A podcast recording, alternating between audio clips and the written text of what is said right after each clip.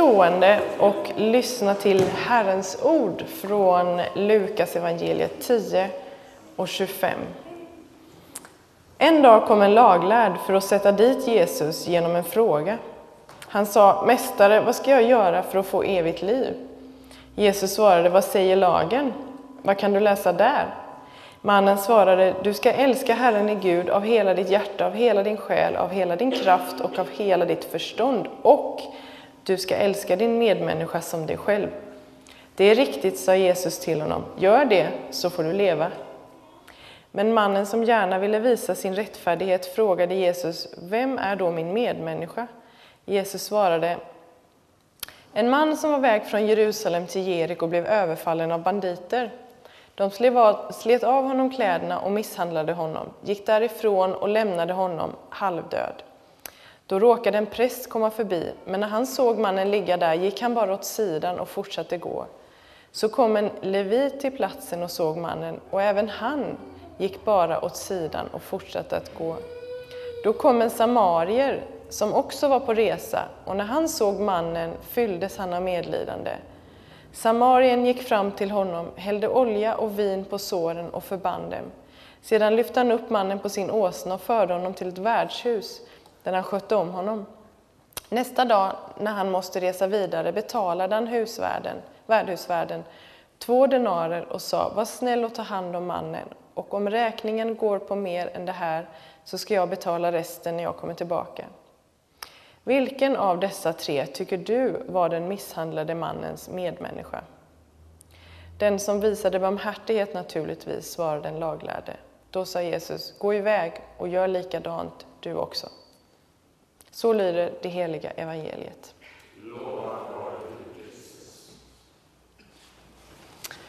Ulysses ska predika på engelska. Är det någon som behöver tolkning? Sista raden, finns tolkning.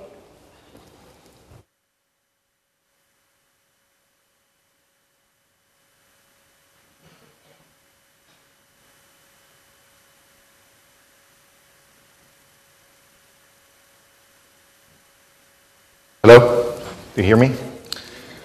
Hello, everyone. Welcome to this service and this wonderful day.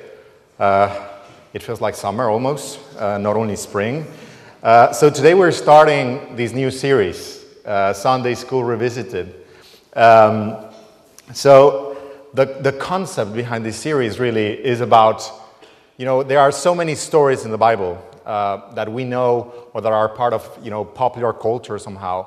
And, uh, and sometimes we're blinded to some of the truths, you know, that are in these stories because of the familiarity that we have. Uh, sometimes these truths don't, you know, stand out to us when we go through the stories again. So the, the whole point of this series then is to try and revisit uh, these stories. Uh, well, not all of them, obviously, uh, some of these stories, and uh, try to recover some of the truths that sometimes we, we lose uh, when, when, when we are so familiar with them. So, I mean, you saw the text, you read the text, uh, uh, we read the text together. So today we're going to talk about the Good Samaritan. And the idea for today is to really try to forget this story for a little while, try to, to you know, rediscover it again with new eyes. So, uh, so we're going to go through the story we're going to try to, you know, see some of the details or sometimes things that are between the lines that we lose and, and try to, you know, just learn uh, from this story and, and see how it speaks to us today, you know, as Christians. And this is a particular story because this is a parable. Um, so Jesus taught with parables a lot. So he used images and, and fictional stories to, to talk about deep spiritual truths, you know? So uh, this is a particular, I mean, this is something that Jesus did a lot. So it, it, he used these images and, and these allegorical uh, stories for us to understand something about our own lives, to understand something about what it means to follow him. Uh, so that's fascinating about Jesus. He didn't just flesh out, you know, a list of you know, bullet points. So these are the truths that you need to know. He spoke with stories. You know, he, he left room for, you know, this sort of mysterious character that he was at the same time. Uh, of telling these stories, and sometimes people remain puzzled, you know, after these stories, like, what did he mean by this? What, what, what is he trying to say? And even some people were shocked by some of the stories that he told, like, they, they didn't understand. Uh, some f- found them too harsh, even. Uh, but in this case, it, it's an interesting, I mean, this is a, a common setting uh, for the New Testament. Uh, Jesus was often teaching in public spaces. Uh, so there, there were all kinds of people listening to what he was saying.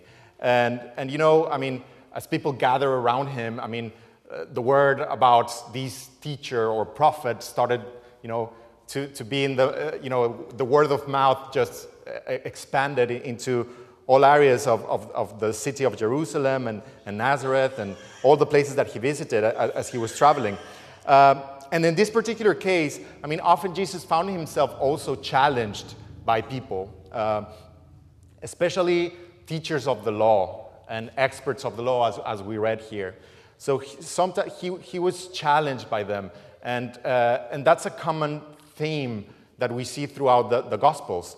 And in this particular case, we, we see how Jesus, you know, uh, is teaching as usual, and there's this expert of the law that comes, and, and he has a, a specific question. And it's interesting how Luke, who, who, who's the writer of, of this portion of the text, uh, you know, he, he, let, he lets us know that he's, he's not really sincere in his question, that this lawyer is, or, or expert of the law is not really sincere. It, it, it says here that, you know, he, uh, stood up to test Jesus. So he was trying to test Jesus. Uh, so that means that he perhaps wanted to, you know, see if Jesus would give a wrong answer to something that he knew. Uh, after all, he was an ex- expert of the law. He knew the word of God. He knew the law and the prophets. You know, he was an expert. He was even probably a teacher of the law. He would teach this thing to others. So it's like if today an expert you know, in, I don't know, uh, nuclear, a nu- nuclear physicist came here and started asking you questions about nuclear physics, I mean, he, he knows his stuff, right? He knows his stuff. So he's, he's setting up a trap for Jesus. Um, and so Jesus obviously discerns this, right? But what is interesting here that Jesus is, is not openly rebuking him, but he rather you know, goes along with it and, and, and he answers the question. So this expert of the law wanted to perhaps catch him, as, the French say, like in a faux pas, you know, like uh, something that, oh, there, he's not the perfect prophet that uh, he think he is or whatever. They wanted really to catch him. And, and so in this question, we see that, you know, so he's like, what must I do to inherit, inherit eternal life? he's saying. And what's amazing about Jesus, he always replies with a question. He's a very good teacher. So he doesn't give like straight answers all the time, but he actually, you know, asks questions because he wants to make us think for ourselves. He wants to challenge our own assumptions. And so he replies, What is written in the law? What do you read there? And, you know, it's interesting how he takes a different approach because he, we see in other portions of scripture how really he was straight rebuking you know the pharisees or these experts of the law that were often you know hypocrites and in the way they went about their lives and the way they went about you know wanted what they wanted to be seen by everybody and what we see here is that he you know he, instead of rebuking him openly, he wanted to go deeper because he saw that there's a teachable moment here. There's something to teach about what's going on here. And what's interesting is that we see, by contrast, in other portions, uh, for example, there's in Matthew 23 a, a short passage where Jesus is, you know, said to the crowds and his disciples, The Pharisees and the teachers of the law are experts in the law of Moses. So obey everything they teach you, but don't do as they do. After all, they preach but do not practice. So this was a common thing. This is in Matthew. This is ano- another uh, uh, episode. But what I'm trying to highlight here is how Jesus was not rebuking, openly rebuking this other guy. And but he, he knew what these people were all about. So he, he could discern how some of these people, you know, were teachers of the law, but on the other side, they were doing all these different things that were not according to the law were not according to, to these law that they knew. So there was a separation between theory and practice, right? Between knowledge or knowing and doing. That was very, very marked, as we see in this text. Like, all, after all, they preach, but they do not practice. So, too often, uh, I mean, too often we make the same mistake. Uh, I make the same mistake, you know, of separating knowing and doing, of separating theory and practice. Sometimes we not, so perhaps we don't do it in a boastful way, as, as, as some of these Pharisees, but there's a subtle way in, in, in which we, you know, separate these things and sometimes take faith, you know, to be simply something that we know. Faith is something that we know, that we, you know, it's just having the right, uh, again, the bullet points of what the faith is. I believe in God, I believe in the Bible. And, and sometimes we, we think that faith is reduced to that only.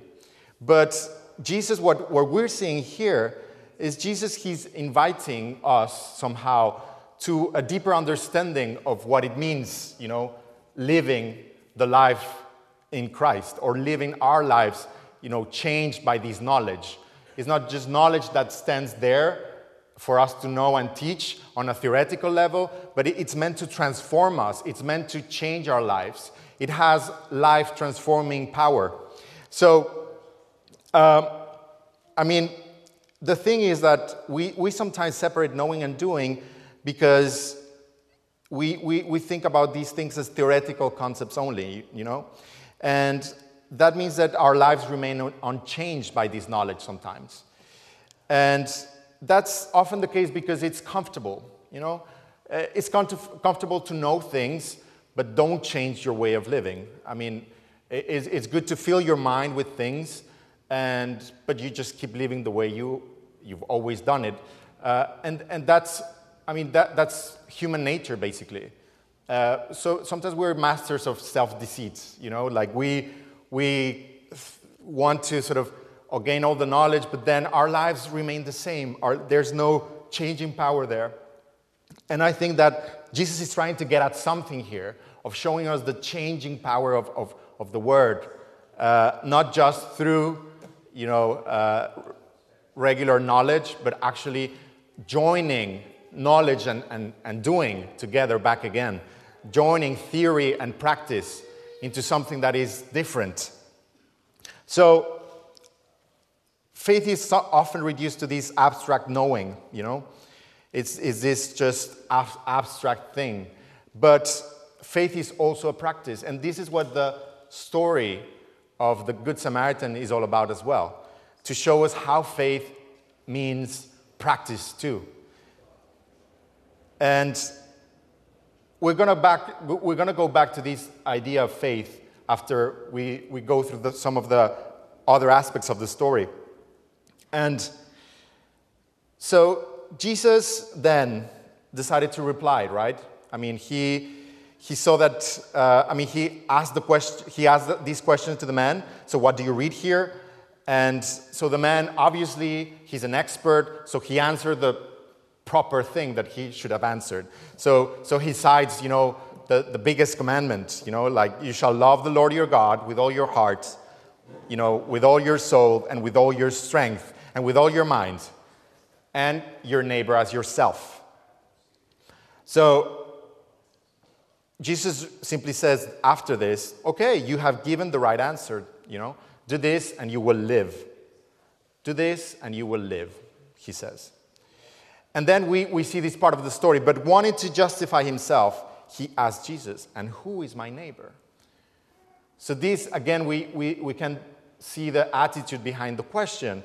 I mean, the, again, the expert is trying to set up, to set Jesus up. And so, who is my neighbor? So then Jesus explained me more to see if you really know what you're talking about.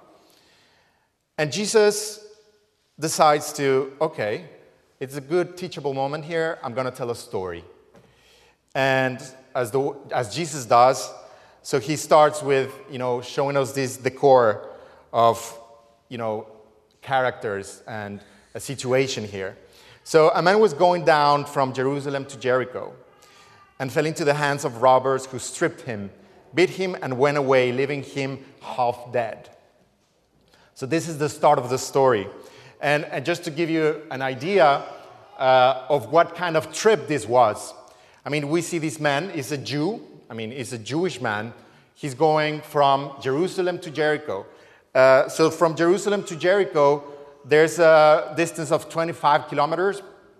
Uh, but what's interesting about this road is that Jerusalem is, uh, you know, 750 kilometers above sea level, and Jericho is the lowest city in the world still today. It is 260 kilometers below sea level.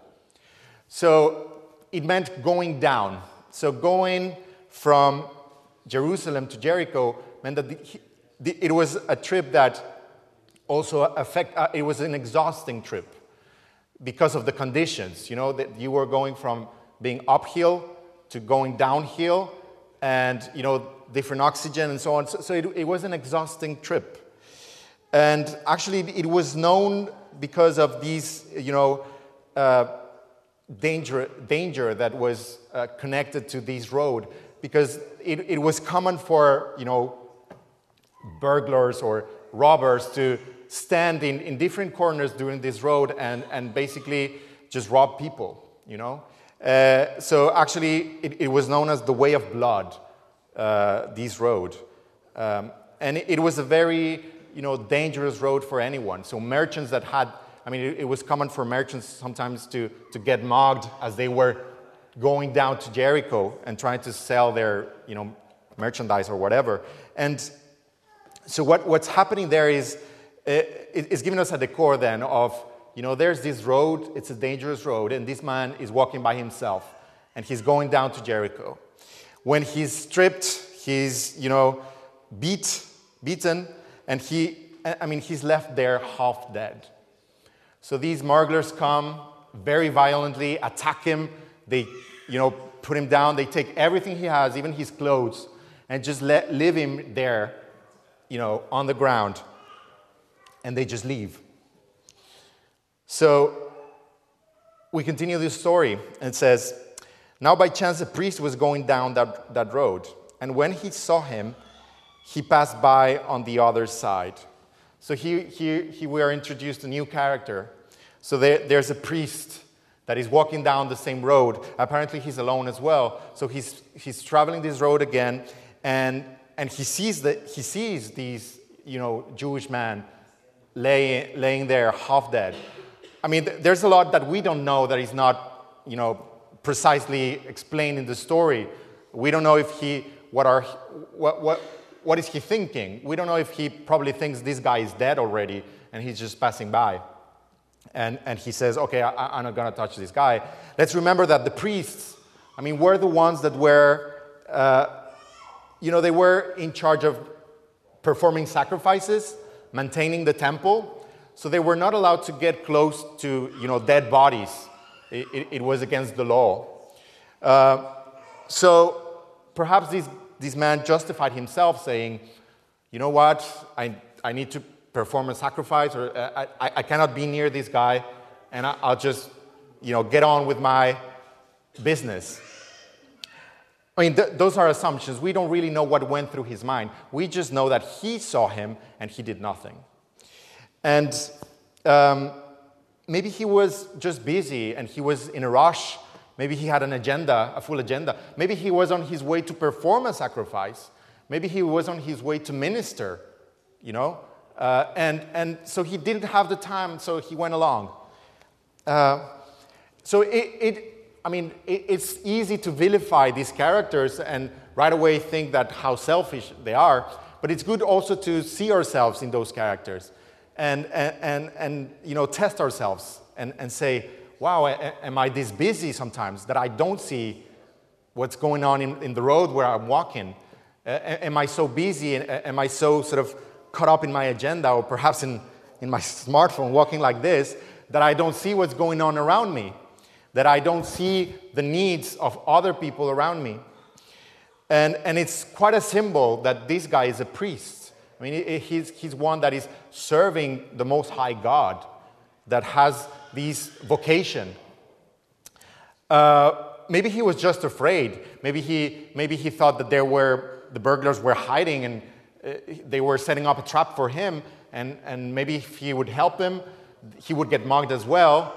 And he just went along. I mean, as I said, these are so all assumptions that we can, because Luke doesn't let us know. Uh, but it's good to think about, about this man in this way.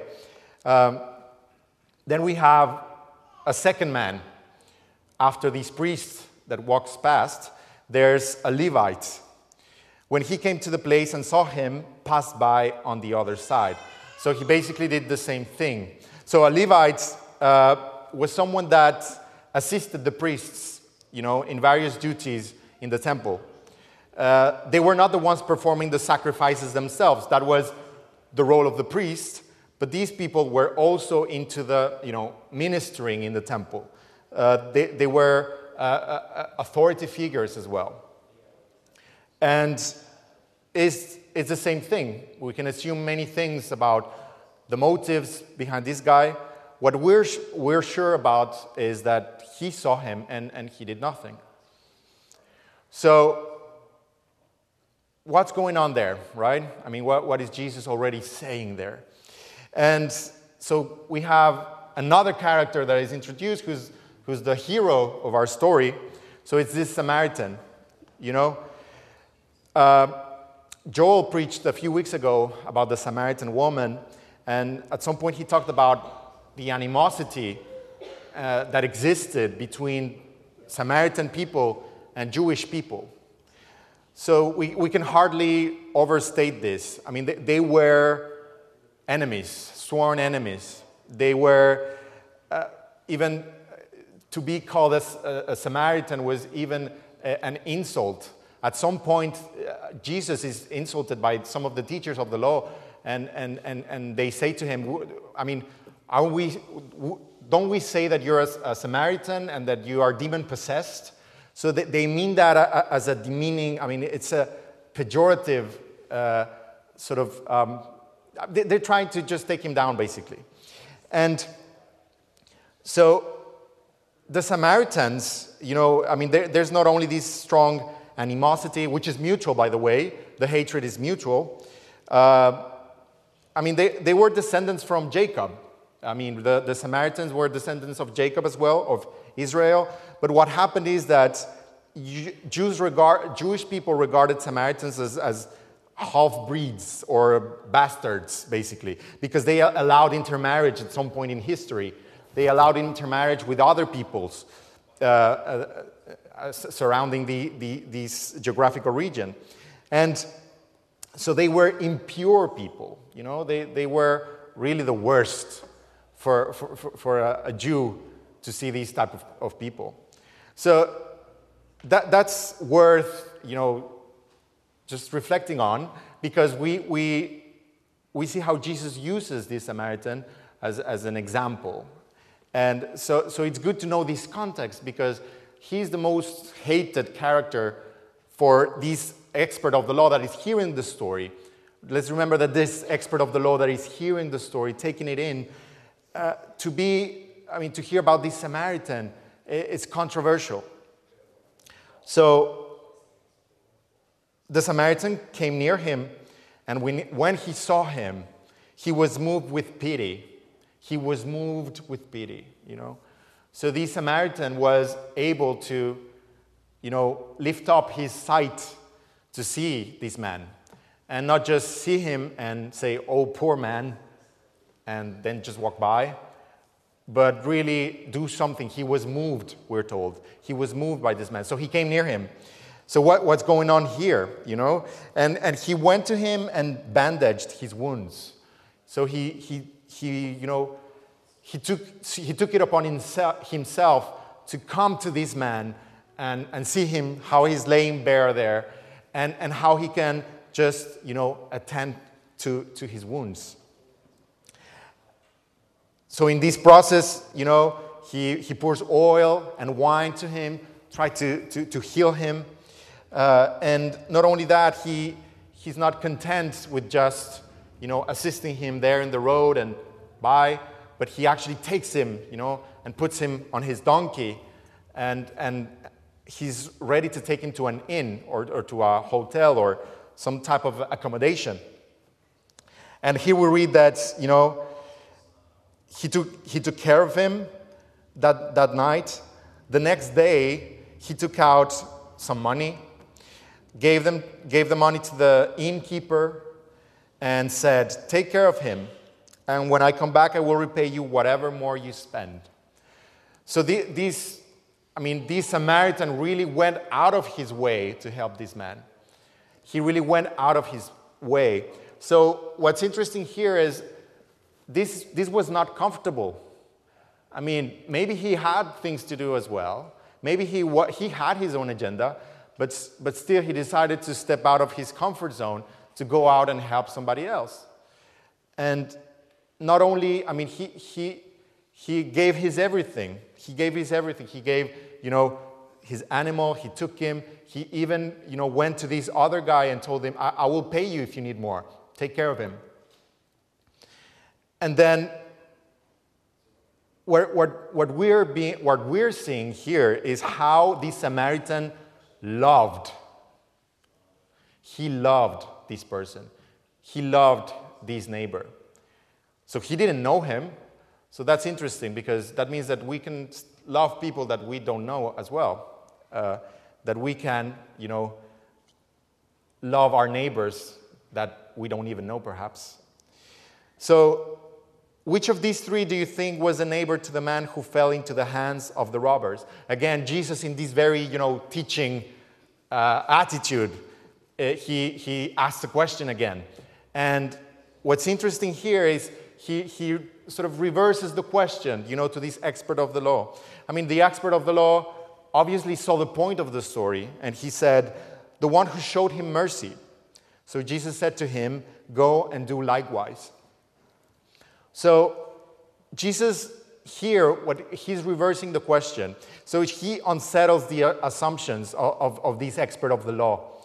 I mean, the who is my neighbor, the, the original question that he, he, he, he posed to, uh, to, to test Jesus, who is my neighbor, can be read as a question of, you know, who qualifies as my neighbor? Or what must the person do to qualify that I should love him, you know, or her? What must a person do to qualify and to be worthy of me loving them? And Jesus reverses that question, you know, because, I mean, usually, who is my neighbor? Who qualifies as my neighbor? Or what must a person do to qualify that I should love him or her?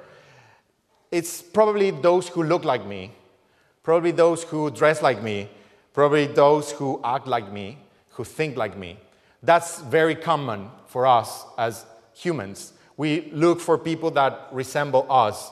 We look for people that are look like us. And, and there's something natural to that in, in, in the way we understand community. But what I love about Jesus here, he, he, he's not, I mean, the question was self centered originally because he was trying to, I mean, we know from, from the text that he, he was not sincere in his question. So Jesus turns it around and, you know, he makes it more of a matter of what must I do to be a loving neighbor? Instead of what must other people do so that I can consider them my neighbors? So, what must I do to be a loving neighbor? How can I love these other people? So, Jesus turns the question around for these, you know, expert of the law to understand that is the neighbors is not just the Jews that look like you, it's also this impure Samaritan. It's also this impure Samaritan. It's also these people that don't look like you, that don't speak like you, that are not from the country where you're from. And so this brings like uh, unsettles maybe everything for these for this man, for this expert of the law. And we can go back then to the question of faith of this separation between knowing and doing that we moderns are so used to have. Uh, I mean, if you think about it, our whole education system, well, it also depends on what type of studies uh, you, you do, but in general, education is a lot about getting the theory, uh, and then you go and out there to the field and practice, you know? Uh, so you, you get the theory, you get the concepts, and then you go out and practice. But there's this separation between theory on one hand and, and practice on the other hand. And I think Jesus is trying to bring theory and practice together so that we understand that to, to, to be fully alive, to have eternal life, as it says, to be fully alive, we need to join theory and practice. We need to join knowing and doing in our faith. We need to go out of our comfort zone and not stay in the comfort zone of the priest or the Levite, but actually go the Samaritan way that he was able to you know, get rid of his comfort to be able to help another fellow human being. And that's, that's an interesting point of this story that I, I, I wanted to highlight. How faith is knowing, yes, we know we, it's important that we have the proper teaching, the proper doctrine. It's important that we go into the scripture and that we know the scripture and that we dive into the scripture. That's so important.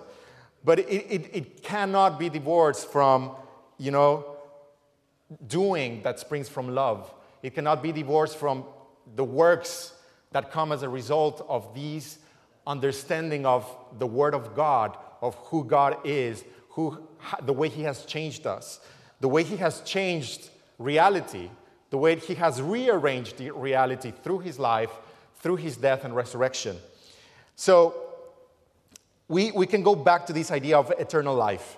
See, if, you, if you look at the beginning of the story, we have, you know, what must I do to inherit eternal life? So that's the first question that asks the, the expert of the law. And, and to us moderns, that feels eternal life, we usually just uh, understand it as an afterlife thing. So, what, how do I do to, you know, inherit life after death, basically? So, so it's an afterlife affair. And sometimes that's the understanding that we have about salvation, that we reduce salvation to only when I go, uh, uh, I mean, I go to heaven when I die. But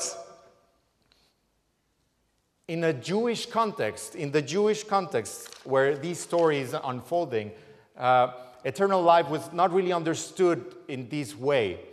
Uh, uh, actually, the, the word eternal life, I mean, the, the concept for that in, in uh, I mean, it, it, was translated to, to the Greek, which is the right translation, eternal life. But in, in the Jewish, in Jewish thought, this was understood as, uh, you know, the life from the age to come.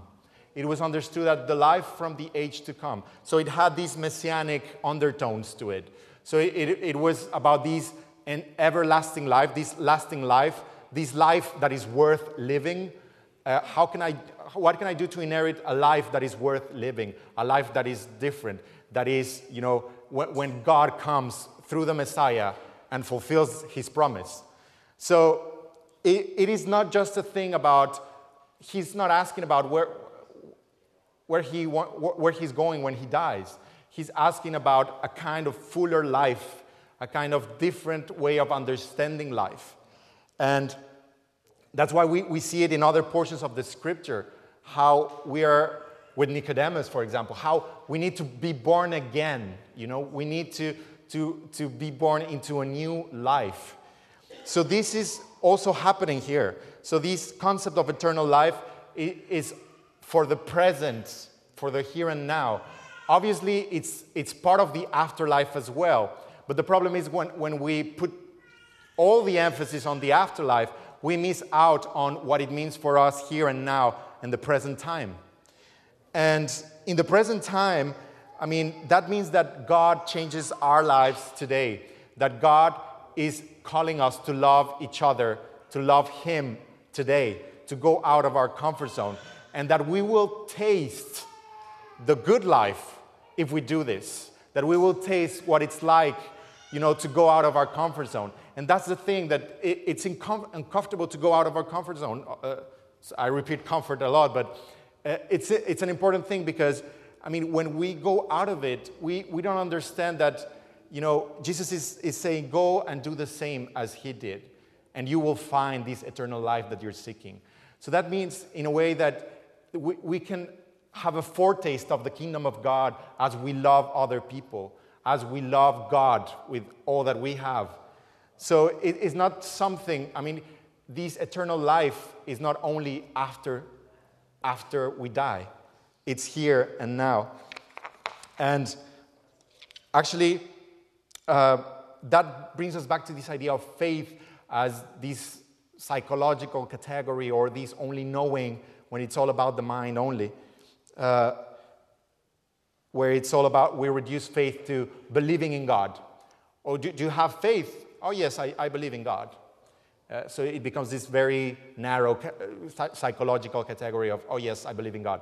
So, so that's, we equate that to faith. Uh, but uh, as I said before, you know, this faith that we see here exemplified in this story is a faith that works in love. You know, it's a faith that is expressed in love. Uh, so I love that, you know, Faith then consists in loving God and neighbor, and faith is relational. Faith is relational. And, and sometimes we individualize faith so much. And, and we think about, yes, I believe in God, and that's my faith, and that's how you live faith, or, or how you sometimes understand faith. But it, it is not the case. Faith is relational. Faith is an invitation to enter into relationship with God and with others. So that's why we have these two commandments, you know, that Jesus basically says that they sum up, you know, the whole law and the prophets to love God with everything we've got and to love our neighbors as ourselves. So these cannot be overemphasized because it, it's what sums up, you know, the, the Bible. It's what sums up the Bible in, in, in Jesus' own words. And so th- to understand faith as relational makes us see that you know faith that does not produce love is, is, is dead faith that does not get out of this, its comfort zone is no faith at all because faith is a relational thing where we step out of our comfort zone and walk with god into loving other people and obviously there are risks this good samaritan I mean, he could have been mugged, as we said. Maybe, I mean, these other people could have been hiding behind, they could have seized him as well. So there's a risk, obviously, involved. There's a risk. And that's the beautiful calling of the church, so that we can live this risk together, so that we can step out of this comfort zone together and, and, and reach out to other people that are different from us, that look different from us, that don't speak the same languages as us. And, and so that's, that's so important about faith that is relational.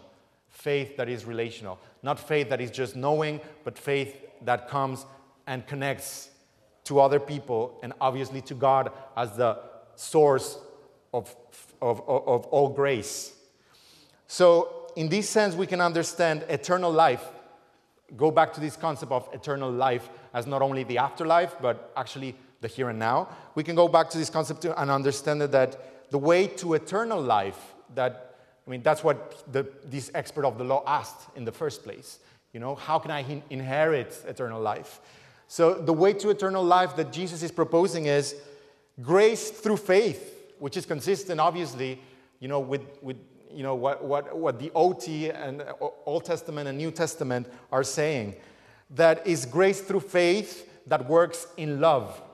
We're saved, the way to eternal life is by grace through faith that works in love. And as I said, it's not just a ticket to heaven, but it's about understanding here and now how God is wanting to transform us, how He's wanting to shaping us, so that we can go out and love each other uh, as, as Jesus planned it to be. So, there's a text in John, in the, in, in, in the Gospel of John, uh, where he defines eternal life. He says, and this is eternal life. This is John 17, uh, verse 3. That they know you, This is eternal life, that they know you. Jesus speaking here. The only true God and Jesus Christ, whom you have sent. And this is eternal life, that they know you, the only true God, and Jesus Christ, whom you have sent. It's interesting here, we, we don't get this sense of eternal life being uh, what happens when I die, but we get these like fully, you know, this fully present uh, uh, insight that eternal life starts when we go and, you know, start participating in the life of God. When we go out of our comfort zone and start knowing the only one true God and Jesus Christ, whom He has sent. So, it's not that eternal life is a consequence of knowing God. It's not that it comes as a consequence, it's, it's part of the package. It's that eternal life, I mean, knowing God is eternal life. This is what John is saying here. This is eternal life, that they know you. So, knowing God is eternal life. It, it, it, starts here and now. So, this is no abstract knowing, but it's actually an active participation, active participation in Him. And, and, and Jesus says in another verse in John as well, I have come that they may have life and have it abundantly, or have it to the full or to the fullest. So, eternal life then, you know, is about this fulfillment, you know, of God. How we can, as we walk in our faith, that steps out of the comfort zone, that opens our eyes out of our own agenda, out of our own comfort zone, where we're just stuck with our own problems, when we open and, and see other people's problems and see how, he, how we can love other people, how we can reach out to other people, how we can be more intentional about it, and not just stay on the safe side as the priest and the Levites, but actually, you know, just open, you know, open our, our eyes to what's going on and, and, you know, seize the life that Christ has already given us, which is, I mean, He wants to live us abundantly to the fullest. He wants us to be fully alive. And how many times do we go about life just, you know, with, in the motions, you know, that, that we go like with inertia of what we've been doing, you know, with the routine. But how can we go back, go back to these feeling fully alive, to these, and it's not just a feeling, but it, it's an understanding and, and a relationship. It's an understanding and a walking in relationship with, with Him. So, eternal life then is about living life to the fullest as we love God and others. And again, this requires to step out of the comfort zone. But it, it's amazing when you realize that this is the calling that God has given us as the church. And just to finish now, there's actually an interpretation that was very common in the early church precisely about this parable. Uh, that is uh, an allegorical interpretation of it, where uh, some of the church fathers uh, saw these parable as representing different things. So the, the Jewish man that was going down this road represents Adam or humanity. Jerusalem represents the garden and as this man steps out of the garden, because he wants to do his own will, right? So he, he steps out of this garden. And he steps out of, into this wilderness and this bloody um, passage or, or this way of blood. And the, mar- the burglars are uh, the enemy, Satan, and, and, and, and all his, you know, demons or, or whatever. And so we, we have this uh, man who goes down and then he is beaten and left half dead, you know, and, and, and that's how humanity is left half, half dead. And then you have the priests and the Levites who, according to this interpretation, represent the law and the prophets, so the, the Old Testament. And the Samaritan obviously represents Jesus as an unlikely or improbable Savior that people were not expecting, and that comes here and brings humanity and heals humanity with wine and oil he, that he pours on these on this man. And then he takes his man to this hotel or to this inn, which, according to this interpretation, is the church. And the church then takes in this man to take care of him, you know, to, and, and, and Jesus leaves that responsibility to this inn, to this uh, to, the, to the innkeeper, which in this case, according to this interpretation, it represented Paul or the apostles or authorities in the church. Uh, and, and, and that's the full picture of the redeeming work of, of Christ. So, this interpretation was also common in, in, in the early church. So, it's good to have it as well because when we realize how much we're loved, when we realize that we, can, we, we are also this man, you know, that, that we have been robbed, we have been, you know, so many things in our lives that have gone wrong. Uh, but God comes and, and He wants to live, He wants us to live life to the fullest. So He rescues us and He takes us to this new place so that we can start living this eternal life, this life to the fullest in Him. So when we realize that this is the love that He's been poured out on us, how can we not? pour, extend this grace to others. So that, that's our challenge. You know, that's what we're called to do as the church and, and as individuals. Uh, so let's just pray uh, to finish so that, that this word will, you know, this story will, you know, stay in our minds during this week so that we can reflect on this and, and see and understand the goodness of God and the redeeming work of God, and, and how we are to, to seize these things and understand faith as something that is beyond knowledge, that combines knowledge and doing, knowledge and practice, that requires us to practice with love what He did. So let's pray. Father, thank you. Thank you for your presence in the midst of this service. Thank you because you're good. Thank you, Lord, because you you're so wonderful in so many ways, Lord. Thank you because you you speak to us in so many different ways. Thank you for the stories throughout the Bible. Thank you because they, they, they are things that sometimes we miss, but you reveal them to us, Father. Reveal the truth to us. We pray that you will come and help us to understand, Father, how, how we can engage with this word, Father, and be moved to action. And, Father, understand that, Father, the power of your Spirit is life transforming. It's not about getting more knowledge so that our lives can stay the same.